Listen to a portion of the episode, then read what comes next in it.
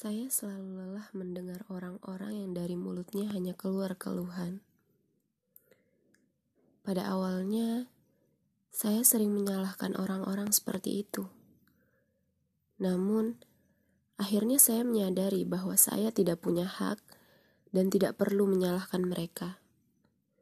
Justru, yang salah adalah diri saya sendiri. Saya salah karena terlalu banyak menghabiskan waktu dengan mereka yang hobinya mengeluh dan selalu pesimis. Saya salah karena membiarkan makian dan ekspresi negatif memenuhi lini masa saya di media sosial.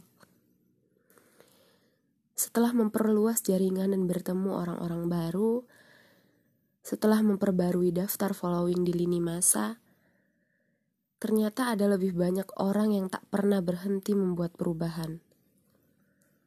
Mereka terus bertindak nyata dan memilih untuk optimis.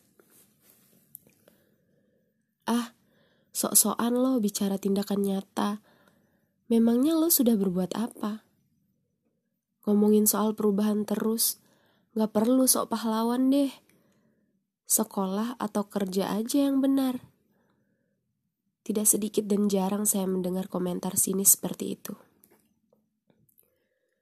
Apalagi ketika saya bersuara lewat media sosial dan ada yang tidak suka. Jawaban saya, saya bangga telah melakukan sesuatu. Meskipun kecil, saya selalu bangga mengatakan bahwa saya memilih berkarya dibanding hanya berkeluh kesah. Saya bangga menuangkan keresahan saya dalam bentuk tulisan, bukan hanya keluhan dan makian. Saya bangga memilih untuk bertindak nyata dibanding diam dan tidak melakukan apa-apa. Bagi saya, aksi nyata bisa berbentuk apa pun. Aksi nyata tidak harus berbentuk proyek berskala nasional atau berformat gerakan besar yang diikuti ribuan orang. Tindakan sesederhana menolak bungkus plastik saat hanya belanja sebotol minuman di warung, menunggui lampu merah berganti hijau meskipun jalanan sepi, atau tidak menyeberang di sembarang jalan karena malas naik tangga adalah tindakan-tindakan kecil yang memberi perubahan nyata. Kuncinya terletak pada melakukan sesuatu. Kita harus berbuat sesuatu. Besar kecilnya tak pernah menjadi masalah. Tindakan nyata bukan soal skalanya, tapi perbuatannya.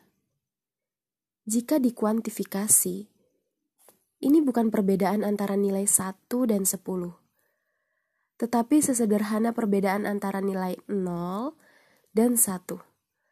Apakah kita memilih diam atau mau berbuat sesuatu yang nyata? Kita tidak harus menjadi aljor untuk bicara soal perubahan iklim kita tidak harus menghabiskan 365 hari dalam setahun di alam, menjaga hutan dari tangan-tangan setan untuk menyelamatkan lingkungan. Kita tidak harus menjadi Dewi Lestari atau Haruki Murakami untuk memulai menulis. Kita tidak harus menjadi Kapolri untuk bisa berkontribusi membuat penegakan hukum lebih baik di negara kita. Kita tidak harus menunggu sampai kita bisa melakukan hal yang besar untuk mau bekerja dan turun tangan. Mari menolak pesimis dan memilih optimis.